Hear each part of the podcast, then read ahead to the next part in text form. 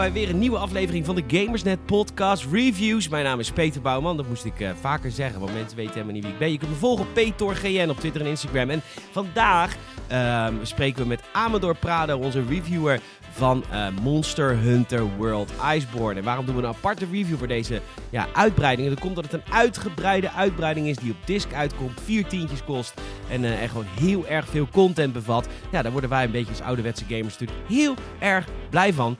Um, Amador is er ook heel erg over te spreken. Waarom dat is, krijg je nu te horen in deze nieuwe review hier in de Gamersnet podcast.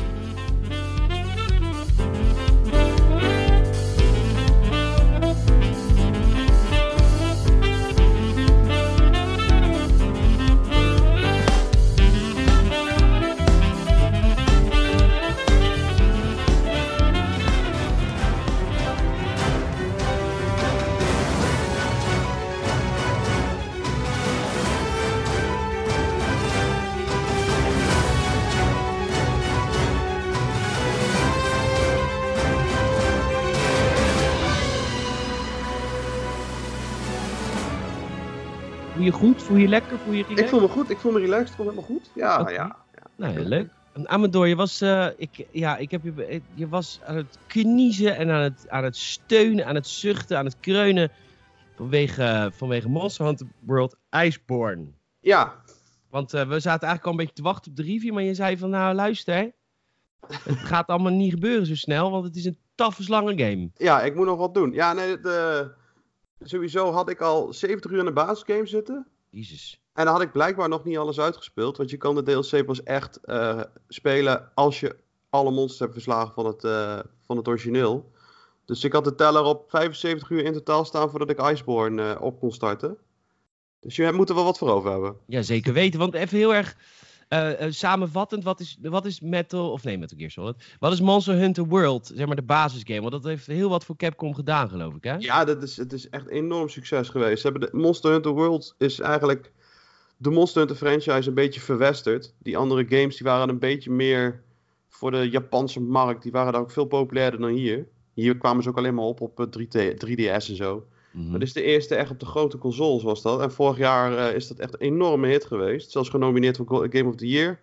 13 miljoen exemplaren verkocht. En eh, het is in principe gewoon monsters jagen. Ja, dat zit al in de titel, hè? Het is een soort Pokémon, toch? Eigenlijk maar dan hoe we het allemaal willen. Dus het is gewoon echt Pokémon vangen. Ja, ja, je kan ze vangen, je kan ze ook afmaken. Maar eh, het is een ontzettend, ontzettend uitgebreide, toffe game waar je de monsters. Er zit niet echt een in of zo, dat is ook niet nodig. Eh, maar je moet gewoon monsters opzoeken en opjagen. En daar kan je dan eh, onderdelen van krijgen. En die kan je dan gebruiken om sterker te worden. En het is in principe gewoon een eeuwige grind. Het klinkt heel, heel saai hoe ik het zeg, maar het is een hele fijne, een hele fijne grind. Elke keer als je een monster hebt verslagen, dan krijg je weer wat spulletjes om weer dat, die helm te krijgen die je graag wil hebben. Of de, de, de, dat panzer. Of, Ja, of een wa- wapen voor je, voor, je, voor je partner en dat soort dingen. Echt heel tof.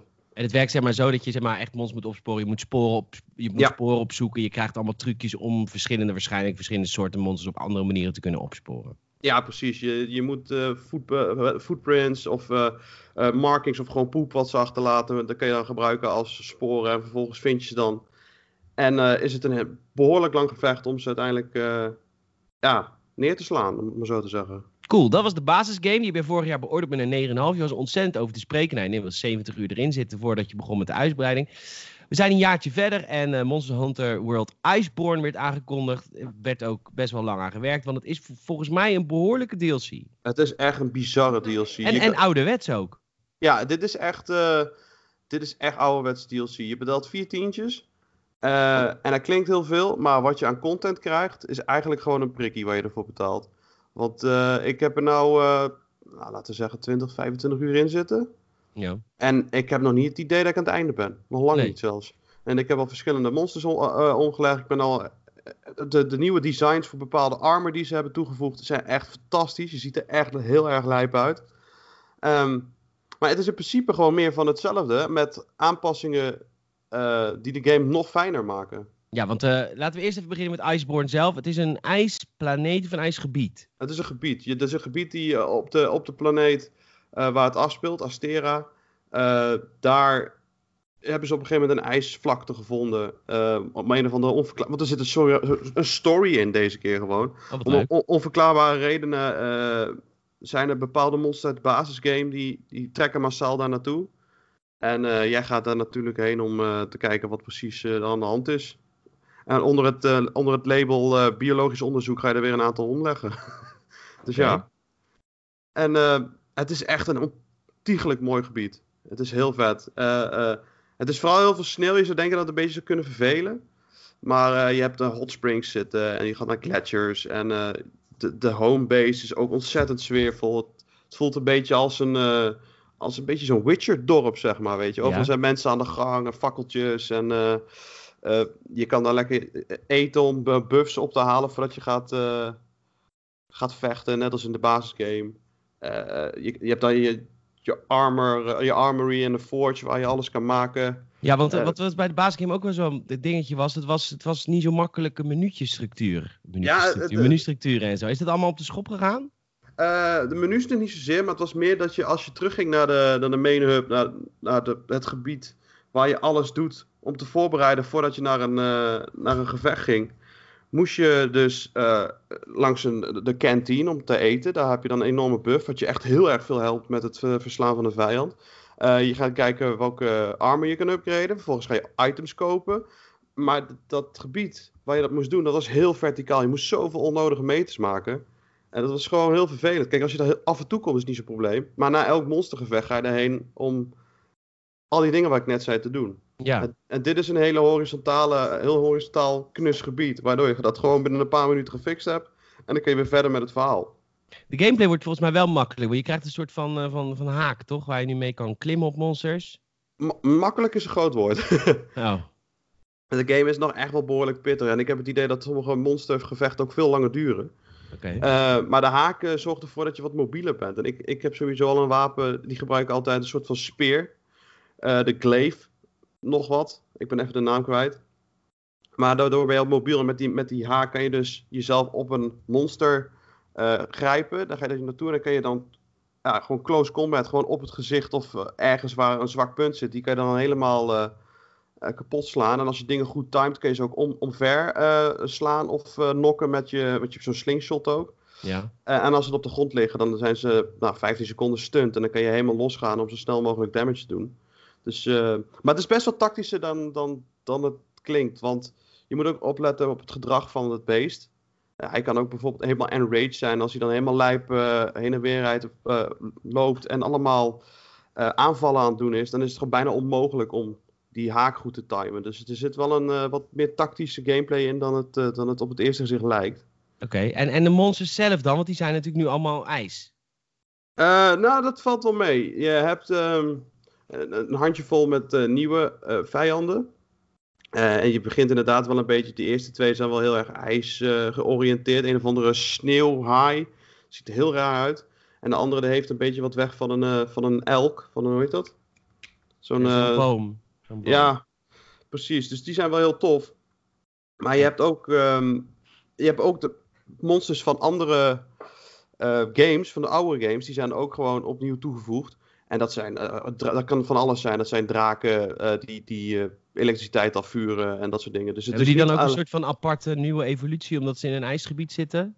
Ja, de, de, de, degene die in de basisgame zitten, die, er zijn ook een aantal nieuwe versies van gekomen. En het, het, zijn niet echt reskins, want dat zou ik een beetje cheap hebben gevonden. Maar ze hebben echt daadwerkelijk nieuw gedrag, nieuwe aanvallen, um, nieuwe elementen ook. Um, waardoor het toch weer heel anders aanvoelt om dezelfde vijand uit de basisgame in Iceborne te zien. Het is toch weer net anders vechten. Er zit in elk monster die je tegenkomt zit wel echt heel veel nieuw, nieuw werk in. En dat is wel heel erg fijn om te zien. Ja, leuk man. En um, het is gelukkig zit je niet alleen in het nieuwe, nieuwe ijsgebied. Want ik kan begrijpen dat het wel een beetje gaat vervelen op een gegeven moment dat het sneeuw. Dus er komen op een gegeven moment nieuwe monsters duiken op in de oudere gebieden waar je bent geweest. Ja, dan kun je ook weer al je nieuwe wapens gebruiken, hè? Ja, al je nieuwe wapens zijn allemaal te gebruiken. Je, um, de, de level cap gaat ook enorm omhoog vanaf het begin van Iceborne. Als je de eerste uh, monster hebt verslagen, dan kun je eigenlijk al je oude gear meteen wegdoen. Want de, de nieuwe gear is echt gewoon bijna dubbel zo sterk. Oké. Okay. Waardoor je eigenlijk wordt geactiveerd om de nieuwe monsters te gaan zoeken. En um, nieuwe wapens te gaat on- gaan ontdekken. Waardoor je ook eigenlijk niet hoeft te backtracken. Je hoeft bijna niet terug naar een oude monster om eh, daar eh, nieuwe wapens te maken. Dat is allemaal achterwege. Je gaat gewoon echt een puur een nieuw on- avontuur tegemoet. Dus dat is wel heel tof. Met de storyline. Is die een beetje eh, bevredigend? Ja, je moet er niet al te veel van verwachten. Maar er zitten, je hebt een paar ehm, characters die je in de, in de base game ook al hebt eh, tegengekomen. De handler die zit ook een met je mee. Dat is eigenlijk een soort van partner. Eh, en die, dat meisje die heeft dan een bepaald onderzoek nou lopen. En je, er zijn een paar van die, van die scènes dat je haar een beetje iets geheimzinnigs ziet doen. En uiteindelijk loopt het allemaal niet eh, heel hoog op de, de, de verhalen. Maar het is wel leuk om een beetje een story arc te zien bij, bij de characters die je al de hele base game gezien hebt. En eigenlijk Ja. niet veel meer waren dan een paar, paar pratende trekpoppen die zeiden wat je moest doen. Maar nu eh, hebben ze daadwerkelijk ook een beetje een verhaal en een achtergrond. Dus dat maakt het wel leuk. Maar je moet er niet al te veel van verwachten. Het zijn geen eh, diepgaande Witcher 3 verhalen of zo. Nee. Het is gewoon echt puur het monsters jagen waar je gewoon geen genoeg van krijgt. En dat kan dan nu op weer wat nieuwe manieren in een nieuwe omgeving. Ja, precies. En, En, en het is gewoon heel veel content. het is echt, echt heel veel content. Dit is echt, wat ik zei net al, The Witcher 3. Het is echt vergelijkbaar met zo'n Witcher 3 eh, eh, pakket. Wat je toen had, weet je die? Blood and Wine of zoiets. En eh, je had twee, twee uitbreidingen van The Witcher Ja. 3 toen. Ja, dit is eigenlijk nog gewoon twee keer zo groot. En dat, dat slaat, ja, voor vier tientjes, het is echt bizar. Je hebt één not bij een review gezet. Dat is sporadisch onlogische crafting. Ja, dat is af, heel af en toe, eh, wat ik net zei, je hoeft niet teru- te- terug te gaan om eh, nieuwe wapens te craften, maar heel af en Ja. Je ligt eruit. Kijk, dit gebeurt ook wel eens, mensen. Dan ligt hij er gewoon uit. Ik hoor hem niet meer. De opname loopt nog. Amador is weg. Dus denk ik de verbinding. Kraakje in de lijn. Kijken of we hem weer te pakken kunnen krijgen.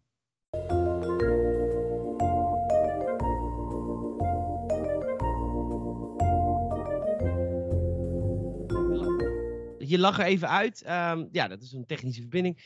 Technische probleem in de verbinding. We hadden het over de sporadisch onlogische crafting. Ja, ja dat was dus eh, wat ik al gewoon heel passioneerd aan het vertellen was, terwijl ik eruit lag blijkbaar. Ja. Ehm, is dat je meerdere, je hebt meerdere onderdelen nodig om een armor te maken. En eh, het merendeel, dat vind je dan bij die nieuwe monsters. Maar heel soms bij een bepaald armor moet je dan ook een bepaald onderdeel hebben van een oud monster.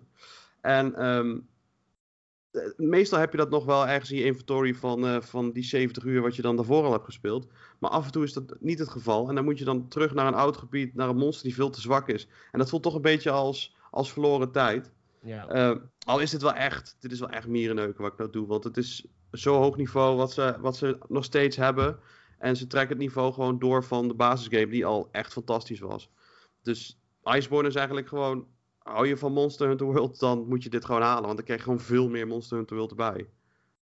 En nou, ja, duidelijk, eh, duidelijke review lijkt me zo. ja, Oké, eh 9,5 ook. Ja. Ehm, Het is natuurlijk wel een, een vervelend dingetje. Je zal het recht kunnen trekken voor... Want de game komt uit de PlayStation 4 en Xbox One. Of is nu uit. Komt ook nog naar PC. Dat hadden ze toch wel even recht moeten trekken. Want die oorspronkelijke PC-release was al een half jaar later. En nou moeten PC-gamers ook nog eventjes tot januari 2020 wachten. ja. Ja, ik weet ook niet zo goed waarom dat was. Ik, ik, kan, ik kan me ook niet herinneren dat er eh, PC-problemen waren toen met de release. Maar ja, ik speel het op de PlayStation 4. Dus eh, dat durf ik allemaal niet te zeggen. Maar inderdaad, PC-gamers moeten tot volgens mij januari 2020 wachten voordat ze met Iceborne aan de gang kunnen. En eh, dat is wel zonde dat ze langer moeten wachten, want het is echt heel erg vet. Ja, nou, jammer voor ze. Capcom heeft hartstikke goede tijd, man. Resident Evil is weer helemaal hit. heeft Ja. happening. En, en deze game doet het ook hartstikke Ja, en, goed. Devil May Cry 5 heeft ook, eh, heeft ook een goede indruk achtergelaten. Dus Capcom is de afgelopen paar, twee jaar echt eh, nou, ontzettend eh, goed bezig. in het leger van publishers wat allemaal minder gaat, is Capcom ons, ons, ons lichtpuntje. Want ze doen het ook nog eens op een goede manier zonder bloedboxes en gewoon ouderwetse DLC. Voorbeeld aan anderen zou ik zeggen. Oké, Yes. dankjewel Amador. Yes, dankjewel Peter. En ik spreek jou heel snel weer. Yes.